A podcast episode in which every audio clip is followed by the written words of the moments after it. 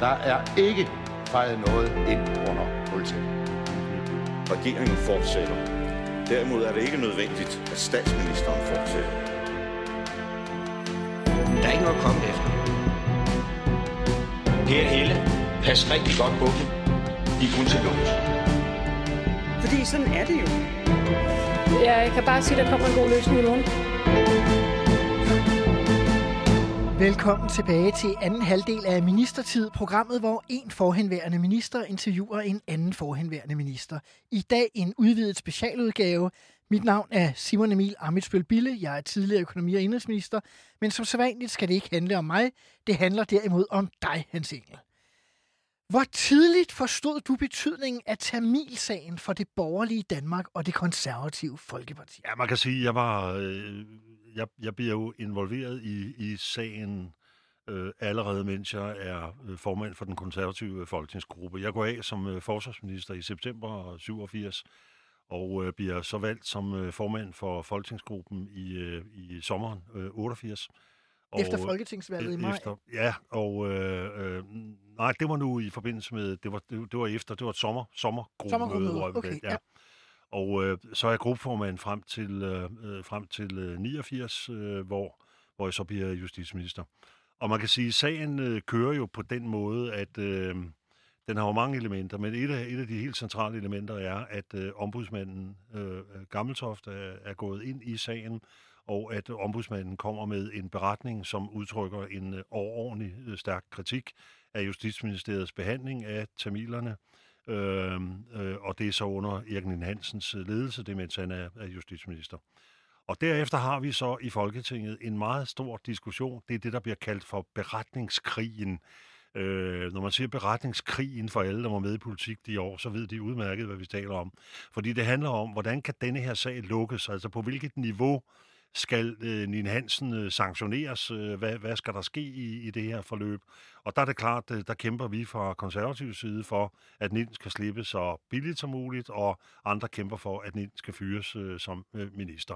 Sagen er meget svær, fordi øh, det er jo det samme øh, usikre parlamentariske grundlag, og, og, øh, og til med er vi i en situation, hvor der er også øh, langt ind i Venstres gruppe, både den radikale gruppe, som er øh, dybt, dybt, den radikale gruppe er dybt kritisk over for, for NIN. Og, og, det er under KVR-regeringen. KVR-regeringen, ja. og, og, og også ind i Venstres øh, gruppe er der er der øh, Elmqvist og andre er, er, er dybt kritiske i forhold til, til Nina Hansens ledelse af denne her sag. Så der, der bliver jeg involveret i det, og der kan man sige, der er jeg fuldstændig klar over, at det her det er en alvorlig og farlig øh, politisk sag.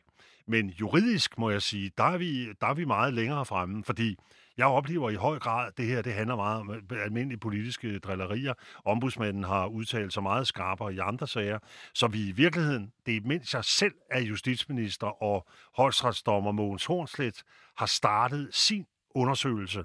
Det er der, jeg bliver klar på, at denne her sag, den er virkelig farlig.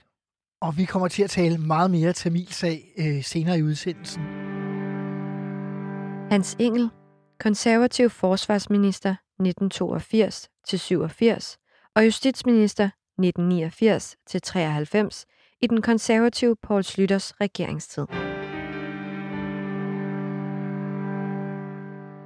I første halvdel af programmet talte vi om din øh, tid som forsvarsminister, Hans Engel, som endte præcis fem år efter den begyndte 10. september 1987. To år senere er du tilbage i regeringen. Den den, altså regeringen, er stadig borgerlig og har stadig Poul Slytter som statsminister, men firkløverregeringen er, som vi talte om, skiftet ud med en trepartiregering af konservativ venstre og de radikale. Tamilsagen er begyndt at herve både regering og især det konservative Folkeparti. I begyndelsen af 89 fjerner statsminister Slytter den konservative justitsminister Erik Nien Hansen og placerer ham som formand for Folketinget. Men allerede i efteråret samme år er han også for stor en belastning på den post, og de to mindre regeringspartier, Venstre og de radikale, vil under ingen omstændigheder lade ham fortsætte. Han afløses, som, som han blev i Justitsministeriet, igen af den konservative H.P. Clausen som formand for Folketinget. Slytter skal have en ny justitsminister. Han prøver sig lidt frem med forskellige, der får budet. Det er måske ikke den mest attraktive post øh, på det tidspunkt. Øh, men du ender med at sige ja. Kan du fortælle om, hvordan det foregik? Det kan jeg sagtens, fordi jeg husker det, som det var i går. Øh, jeg er jo på det tidspunkt formand for den øh, konservative øh, folketingsgruppe. Og vi sidder ved sådan et almindeligt gruppemøde formiddag, formiddagsmøde, og jeg sidder i, i gruppen, der sidder, sidder jeg ligesom på bordenden, og så sidder Slytter øh, ved siden af mig, og sidder næstformanden til venstre. Og øh, sådan mens mødet kører, og der er en eller anden ordfører, der er i gang med at stå og pludre om et eller andet øh, Fremlægge en sag. frem, fremlægge en sag til gruppens overvejelse, så, så, sidder, så tager Slytter sådan en dagsorden, en af de der gule sædler, hvor Folketingets dagsorden er trykt på, og den river han sig over, og så skriver han, øh, Slytter, han havde sådan en meget karakteristisk håndskrift, mm-hmm. man var aldrig i tvivl om, når det var ham, der skrev. Han skrev med sådan nogle store, meget store bogstaver, og sådan på en meget, meget speciel måde. Og han sidder og skriver, og jeg tænker, hvad, hvad sidder han og skriver? Og så skubber han sædlen over til mig, og så står der, justitsminister, spørgsmålstegn, og så står der nedenunder, Hans og så skriver han, lad os tale sammen efter mødet. Og øh, det gør vi så, og så tager han, øh, øh, så tager han øh, øh, øh finansminister øh, Palle Simonsen med ind. Vi går ind på mit kontor. Jeg har gruppeformandskontor lige, lige, øh, lige, over for, lige over for vores, øh, eller lige ved siden af vores øh, gruppeværelse. Og så siger Slytter, ved du hvad, jeg har tænkt over det med justitsministerposten, og den skal på plads. Han har selv fungeret som justitsminister. I to dage, dage ikke, ja, to, tror jeg. Ja. Siger, vi bliver nødt til at den på plads, og du skal tage den post. Og så siger jeg til ham, ved du hvad, Borg, jeg er, jeg er rigtig glad for at være formand for gruppen. Og, øh, og jeg kan også godt se, altså justitsministerposten, det er jo, det er, det er, ikke, det er ikke ugens tilbud, vel, med den ballade, der er. Øh, altså sandsynligheden for, at du selv skvatter ned ad trappen og brækker halsen, den er, den er rimelig. Ja. Men, men, og så siger jeg, så bruger jeg jo det, jeg mener selv er et skarpt argument. Jeg siger, ved du hvad, jeg er jo ikke, jeg er jo ikke jurist. Jeg er journalist, jeg er ikke jurist, og skal de ikke have en jurist over i Justitsministeriet? Så siger Slytter, så giver han det guddommelige svar, og så siger han, det skal de i hvert fald ikke. I Justitsministeriet, der har de masser af jurister. De har masser, og de har nogle af Danmarks dygtigste jurister. De justitsministre, der har været jurister, det har som regel været nogen med anden karakter og tredje karakter, der selv mener, at de er Danmarks dygtigste jurister. De har været elendige jurister. Nej, det de har brug for i Justitsministeriet, det er en politiker. Det er en politiker, der skal styre det, og ikke en jurist. Det kan, det kan de sanger selv finde ud af. Så det er sådan set hans, hans, hans virkelige salgsargument. Og, og Palle synes også og siger, at det vil være godt, og, og du skal tilbage, og regeringen og så videre. Ikke? Og så tænker jeg, okay, øh, afskeden med Forsvarsministeriet, den blev sådan lidt, øh, lidt øh, abrupt. Det var sådan lidt hurtigt. Der havde, og sådan er det jo altid, når man, når man forlader ministeriet. Ikke? Altså, man, det er jo sjældent, man får du får jo ikke to Du får ikke rundet sagerne Nej, det er ikke så, så du får, du, det er lige, du, det er lige, at du får, altså det er knap nok, du får tømt din skrivebordskuffe, ikke? Så, øh, så, øh, så, hvad det hedder, så jeg siger, ja, det vil jeg gerne, ikke? Og, øh, og, og det er jo meget sjovt, fordi jeg har talt selvfølgelig også med mange andre, der har været ministre og er ministre og så videre. Øh, og, og det interessante er, at hvis folk har været minister en gang, og så går de af, og så bliver de minister igen. Mm-hmm. Så bliver de aldrig nogensinde ministre på samme måde anden og tredje og fjerde gang, som de blev det første gang. Altså første gang, man bliver minister, det er noget fuldstændig fantastisk, særligt, at bevæge sig i en verden af mennesker, der mener og får deres løn for, at du er. Du er noget særligt. Du er geni. Dine idéer er... Altså, du, du kommer jo aldrig nogensinde ind, og så siger departementchefen, jeg synes, du er et dumt svin, og i øvrigt så ville det være rart, at vi havde en, der var lidt klogere i hovedet, og du forstår ikke noget, der sidder og Altså, så det for, Nej, forekommer det jo ikke. Mhm. Altså, ministre bliver jo, hvis man sådan kigger på det udefra, så bliver ministre jo borget rundt på skjoldet. Øh, det er, det er ikke det samme, ja. som de ikke laver fejl og alt muligt, ikke? Men de fandt jo hurtigt ud af selv, også i, altså bare for at give et eksempel, da jeg kommer ind i, for, i justits som justitsminister, der vidste mit forkontor og alle mulige godt, at jeg holdt rigtig meget af Forsvarsministeriet. Jeg elsker min tid. Og da jeg forlader Forsvarsministeriet, der forærer øh, forsvaret mig marineministerflaget, som har vejet over krigsskibene, når jeg har været ude at sejle. Så et flot, stort, med håndmalet anker, et kæmpestort dannebrugsflag, splitflag.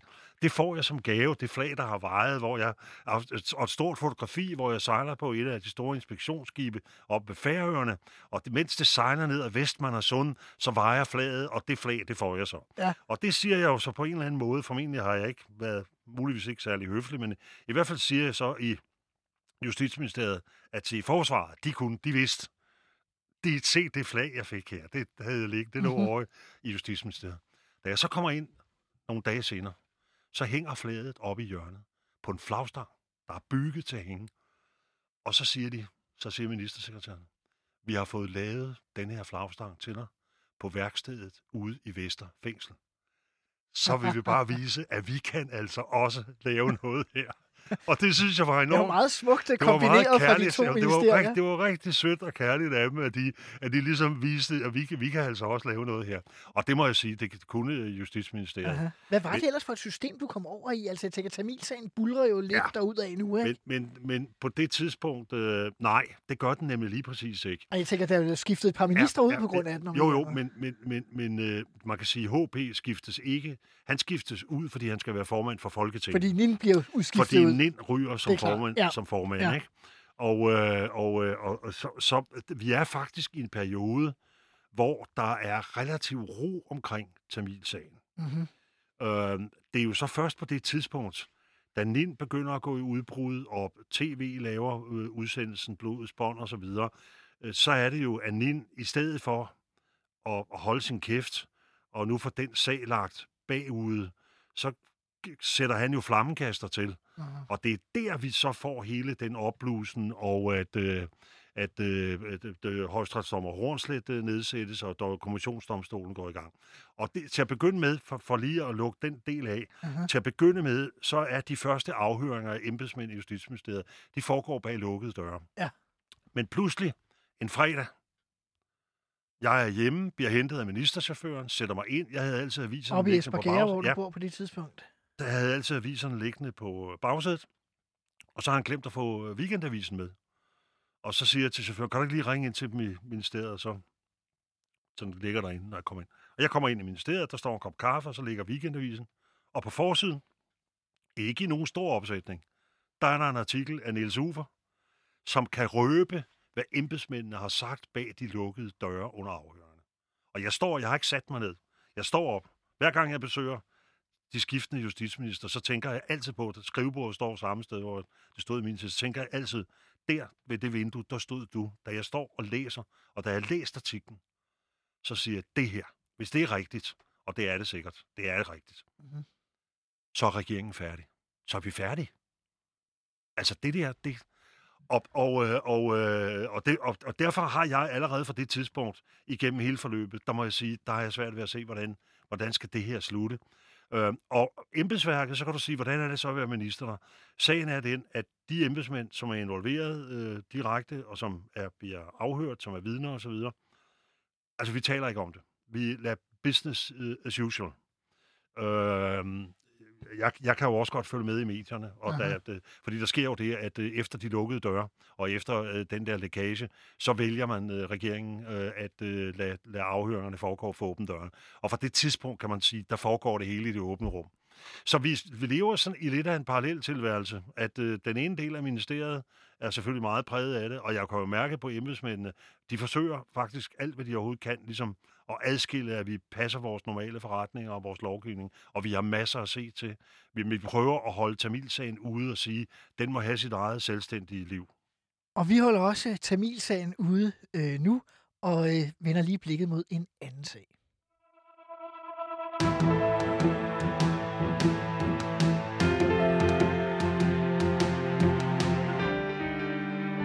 For en anden større sag, som øh, kommer op i din justits, justitsministertid, var spørgsmålet om afviste palæstinensiske asylansøgere. Det var før man havde et udlænding- og integrationsministerium. De havde ikke noget lovligt opholdsgrundlag i Danmark, men det var, som det så ofte er, heller ikke lige så nemt at sende dem hjem igen.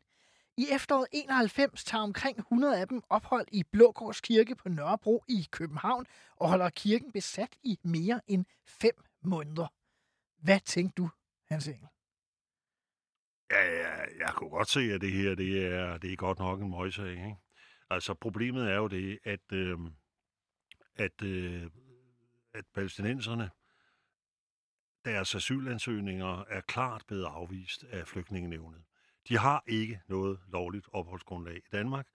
De er selv forpligtet til at skulle forlade landet, øh, og hvis ikke de vil det, så er det myndighedernes opgave at sørge for, at de bliver sendt ud Øh, og der kan de sig selv, øh, har de selv betydelig indflydelse på, om de vil tilbage til Libanon, eller de vil til Køberen, eller de vil andre steder hen.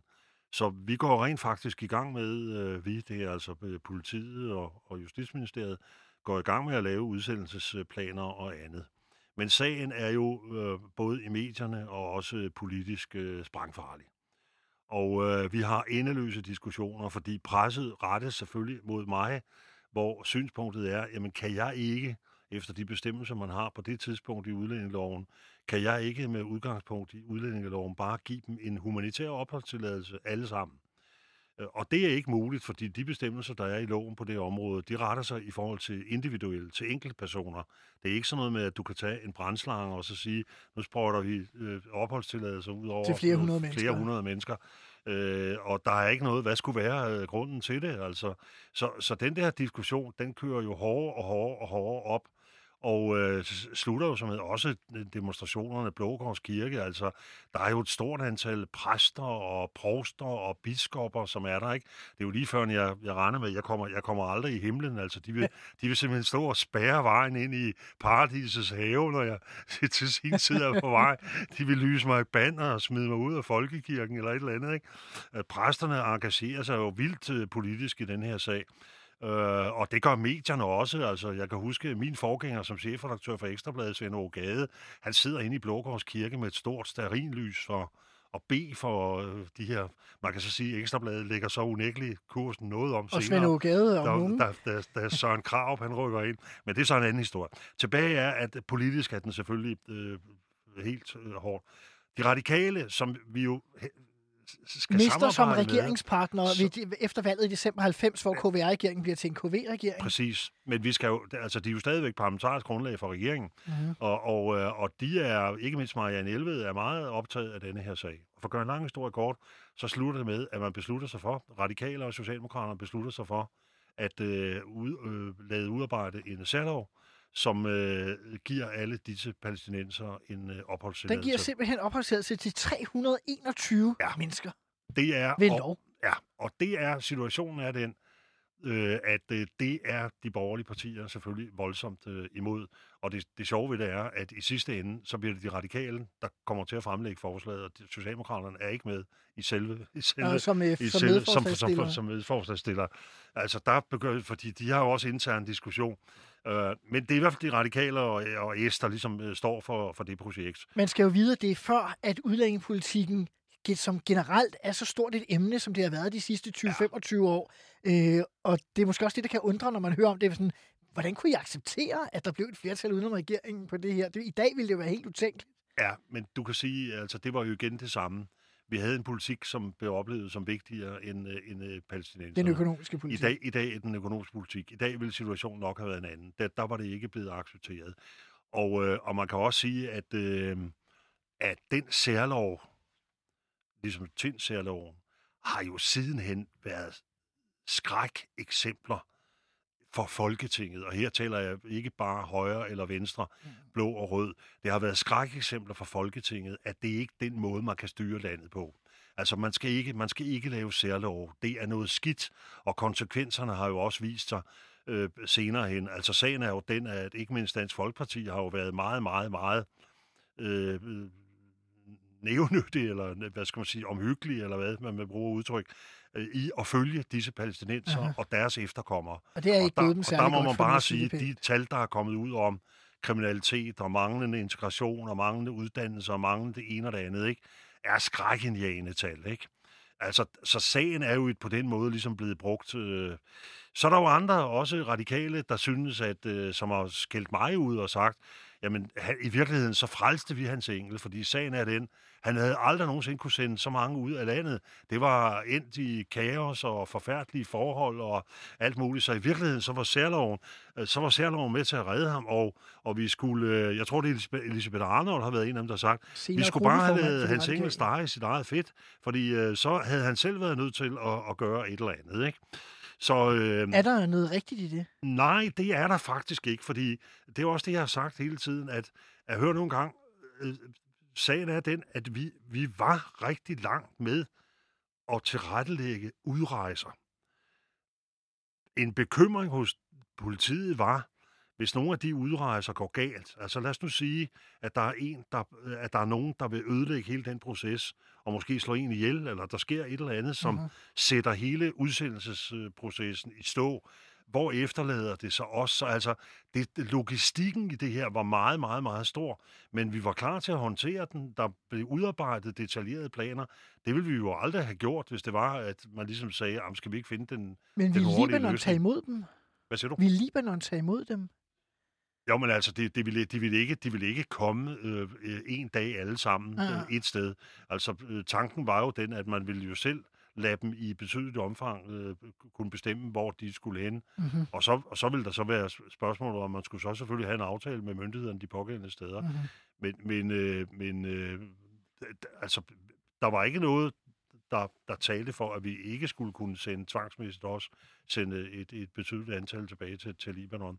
Men det blev jo aldrig testet, fordi, fordi det hele går i stå på grund af, af særloven. Og, øh, og det, jeg synes, altså set i, i, i bagspejlet, der tabte alle på, Mhm. på, på, på hele håndteringen af denne, her, af denne her sag.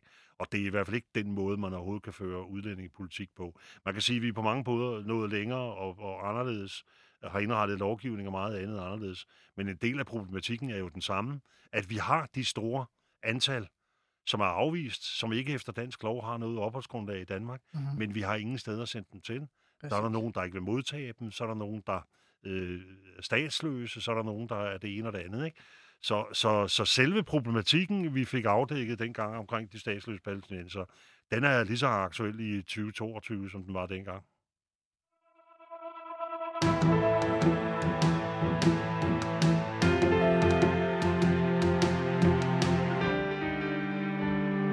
Vi skal tilbage til Tamilsagen. Så tidligt som i 1991 bliver du klar over sagens alvor, som du forklarede tidligere i udsendelsen. En vurdering, som du i virkeligheden længe står alene med i regeringen og i regeringstoppen. Øh, du talte også om Nin Hansens øh, stedighed. Men kunne man have gjort noget for ligesom at stoppe sagen noget tidligere, så den ikke skulle ende med at eksplodere sådan, som den øh, jo så gør til sidst? Altså man kan sige, at det der jo får denne her sag til at få de meget, meget, meget store konsekvenser, og vel også hovedgrunden til, at vi husker den i dag og bruger den som, som målestok. Altså alle, alle sager, der verserer i disse år, bliver jo som regel også i medierne lagt op ved siden af Tamilsagen. Mm. Er denne her værre end Tamilsagen? Er den lige så slem som Tamilsagen? Også fordi det blev den eneste rigsretssag siden Første Fordi, Verdenskrig. ikke? Lige præcis. Ja. Øhm, men når den får det der øh, forløb, så er det jo selvfølgelig, fordi det er en hel regering, der falder. Mm. Det er Folketingets formand, der må træde tilbage. Det er øh, embedsmænd, hvis karriere og liv på mange måder bliver stærkt mærket øh, af, af det her forløb. Det er politikere, hvis politiske karriere øh, slutter øh, med denne her sag. Øh, og det man selvfølgelig kan sige er, kunne den sag være stoppet? Jeg spurgte faktisk øh, Nin om det på et tidspunkt øh, i årene, inden han døde.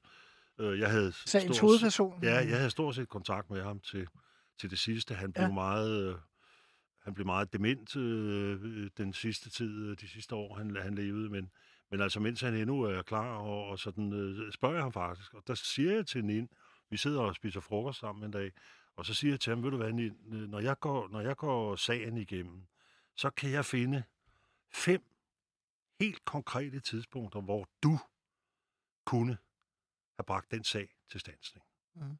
Du var Folketingets længst siddende medlem, blev medlem af Folketinget 53. Du er jurist, du er advokat, du har siddet på tunge ministerposter, du kan Justits, forsvar og Folketinget, finans. det hele. Hvordan kan det være, at du ikke benyttede en af de fem lejligheder til at få den sag lagt død? Og så sad han ind meget tavs og kiggede på mig, og så sagde han, det kan jeg heller ikke selv svare på. Og så talte vi ikke mere om det.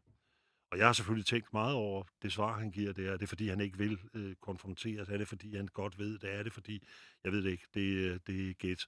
Men i hvert fald så er sagen den, at øh, der, hvor, hvor man kan sige, hovedproblemet jo er, det er jo, at sagen ikke bare koster en justitsminister øh, hoved, øh, og, en må gå af som folketingsformand, det er jo fordi sagen får konsekvenser for statsminister Poul Slytter Mhm. mm-hmm. og, og dermed for regeringen. Altså at det er regeringen, der går af. Og der kan man spørge, kunne den være stoppet på et tidligere tidspunkt? Altså kunne sagen være, være, være lagt flad, sådan så at den i hvert fald ikke havde bredt sig til, at statsministeren pludselig mm-hmm. Mhm. blev ansvarlig. Og det må man sige ja til.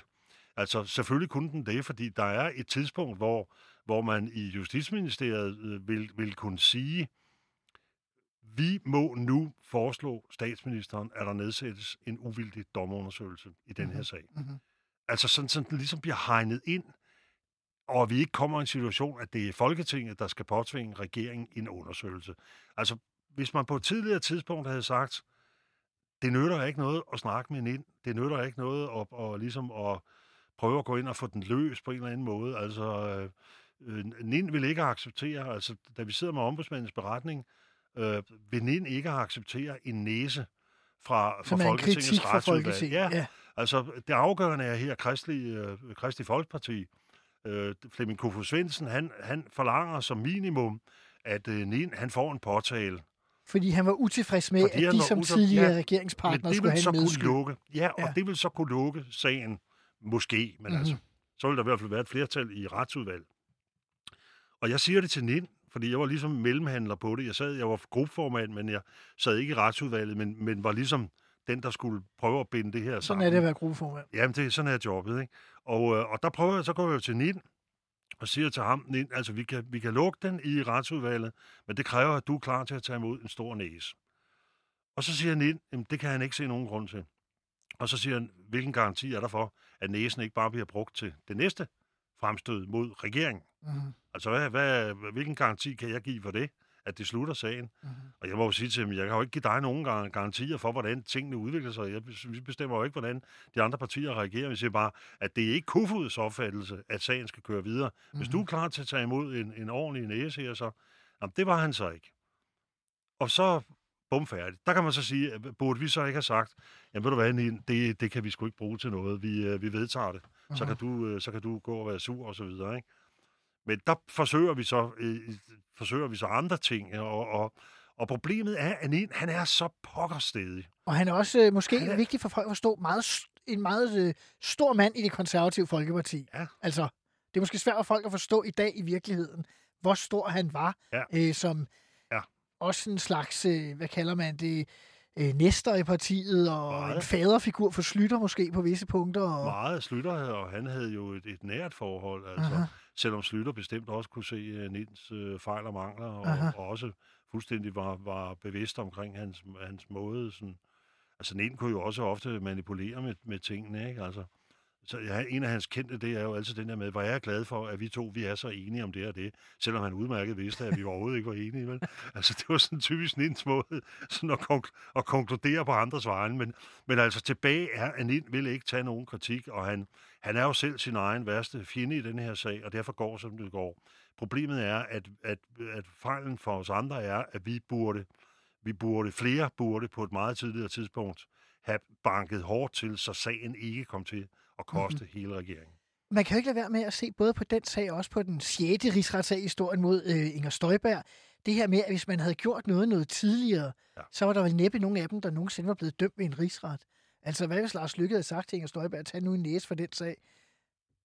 Sagen var jo den, at med, med rigsretten og NIT, der havde vi jo der havde den, rigsretten jo ikke været i gang i 80 år. Så forestilling om en rigsret. Forestillingen, den, den var helt væk, og der var jo dybest set en, en stor intern diskussion om, kan vi overhovedet bruge rigsretten? Mhm. Altså alene, at det forhold, at halvdelen af rigsretsdommerne er udpeget af de politiske partier, vil det ikke betyde, at vi med dag, vores dages øh, menneskerettighedskonventioner og andet, så vil man sige, at det her det er altså en delvis politisk udpeget domstol, og den slags er ikke acceptabel efter nuværende konventioner. Så altså, må jeg så lige sige, det viste sig, at der var ingen problemer her. Nej. Menneskerettighed, fordi den indbragte den jo rent faktisk for menneskerettighedskonventionen, eller hans advokater gjorde, og den blev afvist som åbenlyst grundløs. Uh-huh. Altså, der var intet at komme efter. Øh, og det er jo også derfor, man kan sige, at da, da sagen så rejses mod Inger Støjberg, kører det hele meget, meget enklere og meget lettere, fordi Tamilsagen ligesom var den, der, der brækkede igennem muren. Og fordi det viste sig, til alles overraskelse, at rigsretten sådan set var et meget øh, altså, velfungerende instrument til at håndtere den type af sager. Man kan så sige, og det er jo også den debat, der er der nu, øh, rejst af højesterets øh, dommer Jens Peter Christensen, altså er det nødvendigt med så stor en, øh, en rigsret? Kunne man ikke skære det ned? Mm-hmm. Og sandheden er vel den, at hvis vi ser på Støjberg-sagen, det er som min egen mening, det er, at i virkeligheden burde man slet ikke have de politisk udpegede dommere. De kom ikke til i Støjberg-sagen, og heller ikke i NIN-sagen i særlig grad. De kommer overhovedet ikke til at spille nogen som helst rolle. Det er måske også værd at bemærke, at i alle de tre gange, hvor der er nogen, der er blevet dømt i rigsretten, så har det jo faktisk ikke haft betydning, at der var andre end de juridiske dommere. Det er de juridiske dommere, der har lagt dommen alle tre gange, både mod Sigurd Berg og mod Erik ja. Hansen og mod øh, Præcis. Inger Støjberg. Og du kan sige, hvis vi kigger på Sverige, øh, så har svenskerne, der er den svenske højesteret, er også den svenske rigsret. Og det kunne man jo sagtens Det også kunne man øh, sagtens i gøre, ja. Øh, det er sådan, at øh, der så kommer en, øh, en øh, undersøgelse øh, af Tamilsagen, som vi også allerede har været inde i, med højesteretsdommer øh, Mogens Hornslet i spidsen. Og alle ved, at øh, på den anden side af årsskiftet 92-93, der vil den her rapport øh, så øh, komme. Det er sådan også, at øh, regeringen øh, hver eneste år er til nytårstafel på Amalienborg den 1. januar. En middag, dronningen holder for regeringen, de øverste embedsmænd og hoffets spidser. Øh, det gør det svært for ministre at bulre alt for meget igennem den 31. altså nytårsaften, men det er en hyggelig tradition. Du beskriver øh, stemningen, den, øh, den, den sidste nytårstafel for, for de borgerlige regeringer i din erindringsbog på Slottsholmen, øh, hvor du møder den daværende kulturminister Grete ja, Rosbøl. Ja, ja, ja.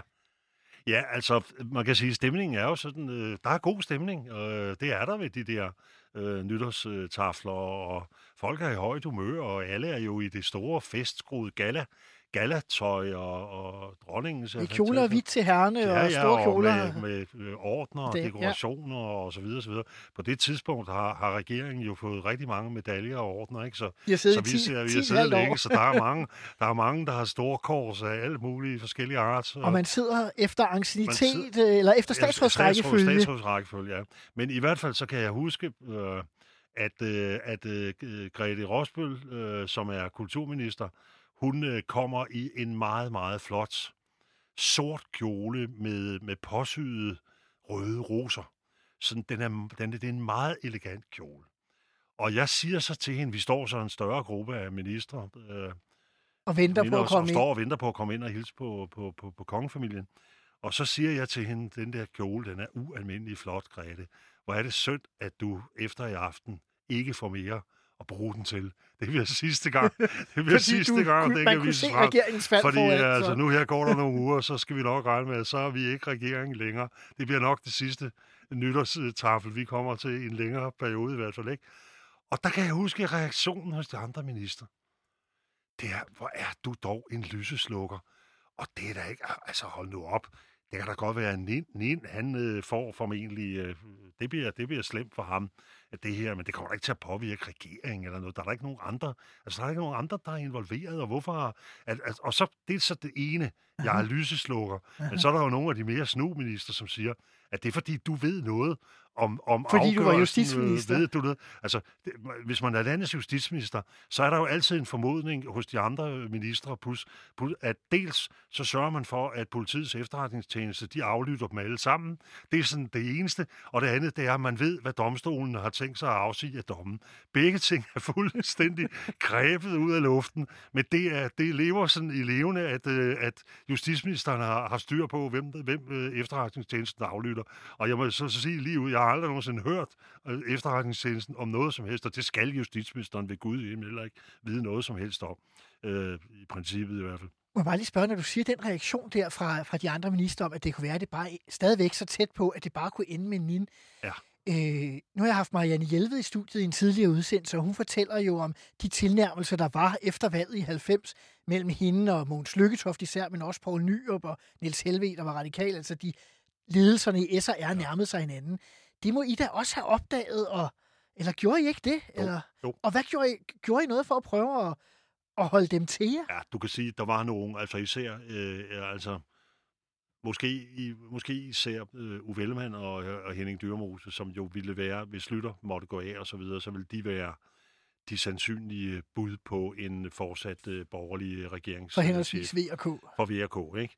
Og mit indtryk er, at de begge to sådan gjorde, hvad de kunne for at pleje øh, de, øh, de radikale. Øh, øh, men, men jeg vil så også sige, de overså, efter min mening, at Marianne Hjelved på et meget tidligt tidspunkt i virkeligheden, Mm-hmm. der giver hun et interview, og i det interview, der fremgår det, af det der fremgår det meget tydeligt, at de radikale støtte til regeringen er knyttet op på Poul Slytter. Det er ikke en støtte til en blå regering i almindelighed. Det er ikke en støtte til, til, til at så kan der komme en anden øh, borgerlig øh, liberal statsminister. Og hun siger det meget præcist, for hun bliver også spurgt ind til personerne, og, og bliver så spurgt, jamen, hvorfor kunne den og den ikke blive statsminister? Og så svarer hun, det ligger ikke lige, det er ikke. Altså, hun skyder det ned simpelthen. Så derfor må jeg sige, jeg havde ingen illusioner om, at, øh, at de radikale, de ville blive på samme side. Og hertil kommer en ting, som jeg er fuldstændig sikker på har spillet en rigtig stor rolle for det radikale venstre. Dels så har de synes, genopretningspolitikken er i orden. Socialdemokratiet har Nu fået... var økonomien ved at være Økonomien på er, plads. er ved at være på plads. Øh, I hvert fald er lovgivning på plads. Øh, regeringen har været alt, alt for langsom til at agere på den stigende arbejdsløshed. Mhm. Mm-hmm. Der er brug for øh, en ny tænkning i den økonomiske politik. Øh, Nyrup er blevet formand for Socialdemokratiet. Øh, han lægger en helt anden linje, også på udenrigs, sikkerheds, på andet. Altså. Mm. Øhm, øh, og så kommer der endelig det, som jeg er helt sikker på har spillet en rolle for de radikale. Det er, at de har selvfølgelig vidst, at når Hornslet er færdig, så kommer der et opgør omkring NIN og måske andre. Mhm. Mm-hmm. Altså rigsretssag og så videre, så videre. Og de radikale har, har, jo, har jo båret meget igennem årene. Og hvis der er noget, Marianne Jelved ikke gider, så er det efter et valg, hvor, eller efter en regeringsafgang, så at skulle gå ind og lægge mandater til, at de borgerlige vil prøve at få de radikale til at lade NIN og så videre slippe så billigt som muligt. Mhm. Altså, de radikale vil ikke fedtes ind i det efterspil, der kommer på Tamilsagen. Tamilsagen slutter ikke den dag, Hornslet er færdig. Og det spil, der kommer derefter, det har de ikke lyst til. Marianne Hjelved har, øh, har øh, her i programmet øh, forklaret, at Poul Slytter faktisk på et ret tidligt tidspunkt over for hende, øh, under et øh, år, øh, inden rapporten kommer, øh, hun siger mere end antyder, at det godt kan være, at han også vælger at gå, hvis øh, der er øh, kritik. Var det også noget, han, øh, han antyder over for jer andre, eller var det noget, han holdt helt væk, fordi man skal jo passe på med sine partifælder og fortælle om sin, sin mulige afgang? ja, altså Slytter sagde intet om, hvilke overvejelser han gjorde sig øh, til, til de konservative. Og, og jeg er fuldstændig overbevist om, altså hvis vi ser på forløbet den dag, hvor øh, Hornstedt-rapporten kommer, og regeringen træder tilbage, så er jeg fuldstændig overbevist om, at Poul Slytter har haft den opfattelse, at når han blev statsminister i Danmark og fik lov til at sidde 10 år, så var det øh, først og fremmest, fordi det radikale venstre så lojalt havde støttet ham og hans regering. Og derfor, hvis der var et parti, han skyldte noget, selvfølgelig ud over de konservative, som var hans eget parti, men så var det det radikale venstre. Og han ville ikke bringe sig i en situation, hvor et samarbejde gennem så mange år fik en udgang, som, øh, som var kaotisk, som var belastende, som ville fuldstændig ødelægge forholdet. Og det er også derfor, han orienterer de radikale først. Det gør han også øh, på selve dagen. Han orienterer de radikale først om, øh, at han har tænkt sig at, at træde tilbage. Og det er jo også et udtryk for, at han gør det. Jeg tror så også, det må jeg så sige, fordi jeg kendte ham jo også, han var, Slutter var jo også en, en politisk rev. En snu rev, det var Han var snu, ikke? Og, og, og, og der er jo én ting, det er, hvis man læser Hornslets konklusioner, så var de så hårde, at hvis et flertal i Folketinget havde ville det, havde man formentlig kunne rejse rigsretssag også i forhold til Slytter. Og det har han ikke ville.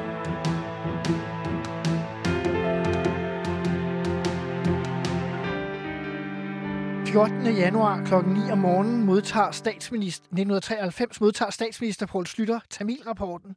Justitsministeriet modtager den en halv time senere. Hvad skete der så, Hans Engel?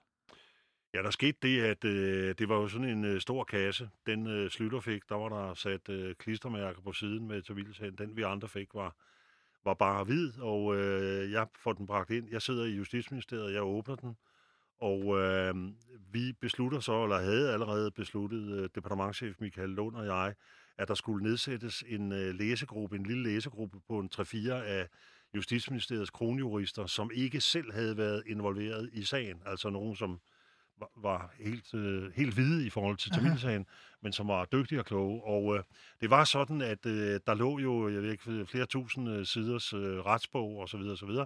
Men så var der lavet, øh, jeg tror, 125 siders øh, kompendium, hvor øh, Hornslet øh, meget, meget velskrevet og meget velredigeret i virkeligheden gennemgår alle hovedpunkterne i, i sagen. Så det var jo den der, de 125 sider, øh, man, man kastede sig over, og det gjorde jeg også. Og jeg sidder alene på kontoret og, øh, og læser det igennem. Og øh, så hurtigt man nu kan, og, og, og for, for, at læ- for at gøre det endnu mere læsevenligt, så er nogle af de mest centrale sætninger, de står så med, med, med, med, med, med store typer, eller med, med meget Fremhævet fra de ja, svagte. med, fed, med det, der hedder fede, fede skrifttyper. Ikke? Så, så jeg læ, læs lige her. Ikke? Så, så øh, jeg læser det der igennem, og så videre, og så videre. Og øh, så ringer på min hemmelige telefon, der ringer så den daværende formand for den konservative folketingsgruppe, Lars B. Gammelgaard. Mm-hmm. Han ringer til mig. Må jeg lige sige, vi har fået den lidt før. Altså, i Justitsministeriet får vi den. Altså, vi taler om tidsforskydninger på en time. eller Ja, sådan men I noget, får ikke? den før andre, Ja, vi får men den før efter andre, ikke? statsministeren. Og, øh, og der ringer Lars B. Gammelgaard så til mig, og det er jeg lige så huske, at han er sådan, Nå, hvad, hvad siger du? Og jeg ved godt, der er kun én ting, han er interesseret i. Det er slutterne ind. Altså resten, det, Det er klart. Og jeg siger til ham, ved du hvad, Lars, det jeg har læst indtil nu, der er NIN færdig, og regeringen er færdig. Så bliver, han bliver så tavs. Jeg kan nærmest høre ham. Ja. Jeg kan nærmest høre tårerne i øjnene på ham, ikke? Men og det så må siger det det er sådan, der, ikke? Og, og der må jeg sige, da jeg læser det igennem med Hornslets konklusioner, der kan jeg slet, slet ikke se, at, øh, at, øh, at der er noget at, at, stille op. Men du må da også altså, man må da blive, jeg lige vil sige, varm i, varm i kroppen. Meget. Og, øh, Jeg og bliver meget, meget ked af det. Ja. Jeg bliver meget ked af det, men jeg må så også sige, at jeg bliver ikke, jeg bliver ikke sindssygt overrasket. Nej. Øh, og du ved, da jeg øh, har læst og så videre, så, så går døren op, og så kommer, så kommer den der læsegruppe fra ministeriet ind. Og det lignede, jeg kom til at tænke sådan på sådan et af Rodins værker, øh, borgerne i, i Calais, der kommer gående i deres mørke skikkelser, sådan du ved, de kommer sådan gående ind i lokalet. Jeg har billedet, har jeg mig for mig selv, kommer gående ind i lokalet. Og de går direkte hen til mødebordet. De går ikke hen til skrivebordet, hvor jeg sidder. De går hen til mødebordet og står, ikke? Og så laver vi en meget hurtig gennemgang. Og i virkeligheden så handler det jo altså ikke alene at det for at få deres juridiske vurdering af Hornslets rapport, men det er jo også for ligesom at danne sig et første overblik over, om der er noget, der skal tages action på i ministeriet. Mm-hmm. Altså, der skal vi jo lige huske på, at, at når der kommer disse dommerundersøgelser, så er det jo fagministernes ansvar at sørge for, at der bliver fuldt op, blandt andet i forhold til embedsmændene. Mm-hmm. Altså, er der noget i rapporten, som gør, at der skal træffes nogle foranstaltninger i forhold til Altså altså nogle, navngivende øh, embedsmænd, nogle- ikke? Hvad hedder sådan nogle ansættelses... Ja, et eller andet. Øh, er der noget, altså er der noget, ikke? Og så, så, det, så derfor er det ikke kun hyggelæsning for at finde ud af, hvad er situationen. Det er altså også for at se, at der er noget, der skal gribes ind i. Mm-hmm. Men altså, i hvert fald så er kronjuristernes øh, vurdering, den er, den er mildt talt ikke øh, opløftende. Og så samler Slytter en lille gruppe af konservative topfolk øh, senere Ja. på dagen, hvor Ja. du er iblandt. Hvad sker Ja. der på det møde? Ja, vi kommer over i, Og hvem i statsministeriet. du- Jamen, der deltager, øh, der deltager finansminister Henning Dyrmose, og der deltager øh, gruppeformand øh, Lars B. Gammelgaard, og der deltager Folketingets formand H.B. Clausen. Og så og så, Poul og, Slytter så, og dig. og så jeg og, og Slytter, ikke? Og, øh, og vi, vi sætter os ned ved, ved, ved mødebordet, og øh, Slytter er sådan fattet, og, og stemningen er jo selvfølgelig helt i bund. Øh, og så starter Slytter med at sige, det er sådan en af hans standardvendinger ofte, at øh, så starter han med at sige, lad os begynde med konklusionen. Slytter elskede tit, også til møder i koordinationsudvalg og sådan noget, så starter med at sige, lad os starte med konklusionen. Det er nogle af os andre, der kunne have drømt om, at senere statsminister også Ja, men gjort. det, altså, hans synspunkt var, altså vi ved godt, hvad hinanden mener, og det gider vi ikke sidde og høre på. Så lad os begynde med, hvad skal det her, hvad slutter det her med, ikke? Mhm. Øh, det, var en fin, det er en fin arbejdsmåde. Det giver meget effektive møder. Øh, så lad os starte med konklusionen, siger han, og det er, at øh, jeg går af. Regeringen går af. Og øh, vi kunne mærke på ham, det der, det er ikke, det her, det er ikke et diskussionsoplæg. Altså, han sidder ikke og beder om at få at vide, hvad vi synes om det her, ikke? Mm. Så siger H.P. Clausen, at, øh, at han vil også gå af som folketingsformand. Så siger Slytter, jamen det behøver du ikke lige at meddele nu, altså samtidig. Det kan godt være. Jeg tror, at Slytter har lidt det synspunkt, at hans og regeringens afgang, det er det, der ligesom. Nej, altså Ja. de, de, de to, altså Folketingets formand og regering, det er to, det er to forskellige sager, to Ja. forskellige forløb. Øhm, og så sidder vi jo sådan lidt og, og snakker lidt så hver en uge, ikke? Så rejser Slytter sig op, og det er faktisk den eneste gang i hele det her forløb, hvor jeg ser ham øh, påvirket af, af omstændighederne. Så går han hen i vinduet, og så står han og kigger ned på, øh, på prins Jørgensgaard, Fra statsministeriets fra hjørnekontor. statsministeriets hjørnekontor, statsministerens kontor, så står han og kigger ned på, på prins Jørgensgaard, og der kan jeg se, at han får... Vel nærmest ned på Tårer. højeste ret, eller? Ja, han kigger også på højesteret, det ligger jo dernede i prins Jørgensgaard også.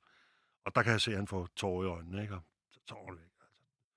Og så siger han, nå, men vi må, vi må se at komme videre, ikke? Og øh, vi må videre, og så videre, ikke? Altså, men men øh, det er klart, at øh, jeg, jeg må så sige, at jeg er den dag i dag sindssygt fuld af beundring for, hvor klart Slytter tænkte i det der forløb, og mm-hmm. hvor Mhm. godt han styrede det igennem, og hvor meget den afgang, han der tilrettelægger for sig selv og for regeringen og det hele, øh, og jo dermed også det forhold, han sikrer sig til de andre partier, Aha. hvor meget det har betydet for hans politiske eftermæle. Klart.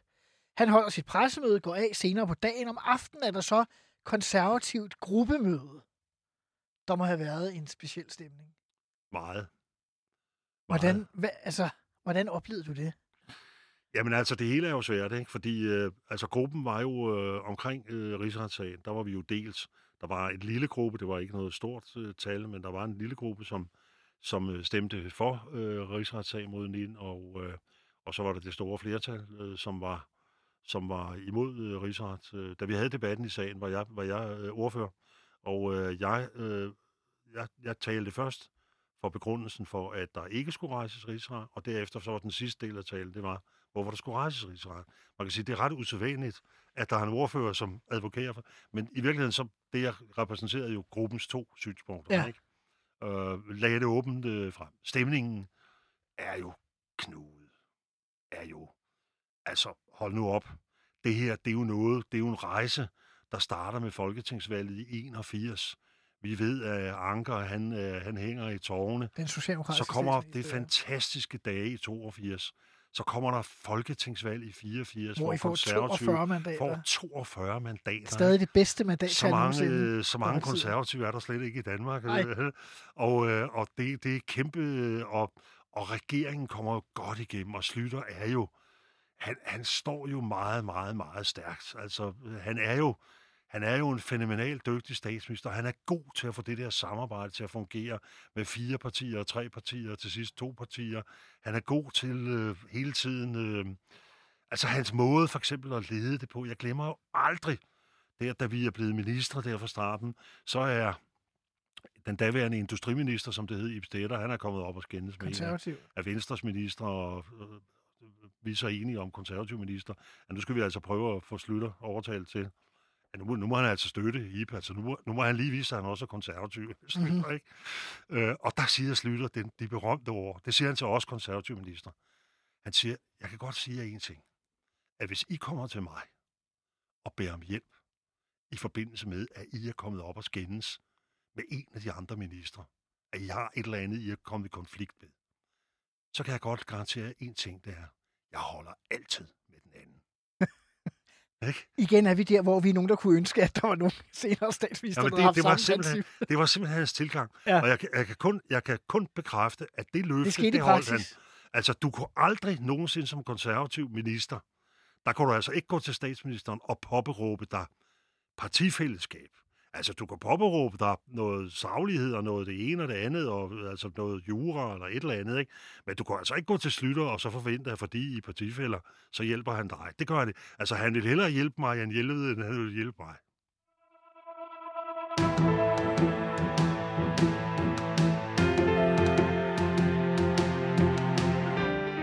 Vi nærmer os afslutningen af programmet, og jo også afslutningen på din ministertid, Hans Engel. Øh, cirka øh, 10 dage efter kommer der en øh, ny regering, 10,5 års borgerligt styre, bliver afløst af en den første flerpartiregering siden øh, Hilmar Bavnsgaard øh, med V, øh, undskyld, med Socialdemokratiet, Radikale, Centrumdemokrater og Kristi Folkeparti. Alle jeres, eller flertallet af jeres samarbejdspartnere i 10,5 år, sidder pludselig i regering med Socialdemokraterne. Du afløses som justitsminister af Socialdemokraten Pia Gellerup. Det må have været en meget speciel ministeroverdragelse, da regeringen jo er faldet ikke på grund af dig, men på grund af den tidligere justitsminister og sager med både embedsførelse og politisk førelse i Justitsministeriet som begrundelse. Prøv at fortælle. Jamen, det var der, det var der meget, meget særpræget, og jeg var jo ikke, altså, jeg var jo ikke dummerne. Jeg kunne godt fornemme, at med det skifte, der ville der komme meget store omlægninger i Justitsministeriet. Og det vil være omlægninger, som jeg jo på ingen måde havde været inddraget i. Det skulle jeg heller ikke. Jeg repræsenterede den afgående regering, øh, og øh, alle, også Justitsministeriets folk, havde formodninger om, at nu kommer der en ny regering. Man skal jo ikke tage fejl af, at Slottholmen er jo et meget, meget fintunet øh, barometer, når det gælder om at vurdere, hvem kommer formentlig som minister, hvem kommer i regering, hvilke partier mm-hmm. osv. Altså, man kan nogle gange undre sig lidt over, hvor velforberedt embedsværket er på, hvem der kommer ind ad døren, og hvilke mærkesager osv. Så, så jeg var helt klar over, at der ville komme nogle meget store omlægninger, det skete der jo også, blandt andet udlændingeområder og andet. Selve, selve overdragelsen... Kunne I mærke det til sidst? Altså, fordi ja, jeg, jeg, jeg, havde, jeg havde den oplevelse sidst øh, under VLAK-regeringen, at embedsværket virkede som, de helst ikke ville bruge penge, for de skulle ligge og vente på, at nu kom Socialdemokraterne ja. snart og overtog. Altså, jeg kunne, øh, jeg kunne sagtens mærke, at der sker en hel masse, og jeg er ikke en del af det. Altså, der er betydelig aktivitet her, men det er ikke, det er ikke aktivitet, der handler om mig. Der gik jo faktisk øh, pænt mange dage, hvor vi sad, inden den nye regering var dannet og var på plads. Og der fik jeg rigtig god tid til at sidde og, og spise morgenmad og frokost med forkontor med, med de nærmeste. Jeg havde dog en meget vigtig beslutning, jeg skulle træffe, fordi øh, justitsministerens badeværelse var blevet ombygget. Og øh, øh justitsministerens badeværelse havde blandt andet en bruseniche. Man har et badeværelse kom, bag sit ministerkontor. Og den sidste store beslutning, jeg skulle træffe som justitsminister, det var, at håndværkerne kom og spurgte mig, hvor øh, selve bruseren, altså, øh, loft, altså den der bruser, der sidder i væggen, hvor højt oppe skulle den sidde? Skulle den sidde højt oppe, eller skulle den sidde længere nede? Og der tænkte jeg, jeg ved ikke, hvem der bliver min afløser som justitsminister. Det bliver en socialdemokrat, og det bliver ikke Svend Augen. Så det vil sige, hvis jeg, nu skal, hvis jeg skal være lidt ond, så tror jeg, at jeg vælger, at bruseren skal sidde ret højt oppe, sådan så den pågældende får rigtig meget vand i håret, som, som straf for, at de nu stjæler det her dejlige ministerium. En, en lille fornagtighed var der plads så til. Endelig så lå der en beslutning, som var helt, det var, hvor skal bruseren sidde i bruset? Og det var den sidste beslutning. Og da jeg snakker med Pia Gellerup på et tidspunkt, så siger jeg, at du har fået sprit nyt øh, badeværelse, jeg har simpelthen ikke selv brugt osv. Så, så siger hun, ja, problemet er bare, at den der bruser, den sidder meget dårligt, og den er sådan, den er støbt ind, den er boret ind i væggen, så det er ikke bare lige med at flytte. Så sagde jeg, det må du se at få gjort noget ved. Det bliver det sidste ord, Hans Engel. Tak fordi du kom og fortalte din, om din tid som forsvarsminister og justitsminister. Tak til jer derude for at lytte med til Ministertid her på 24-7. Jeg er tilbage igen øh, om en uge med endnu en forhenværende minister.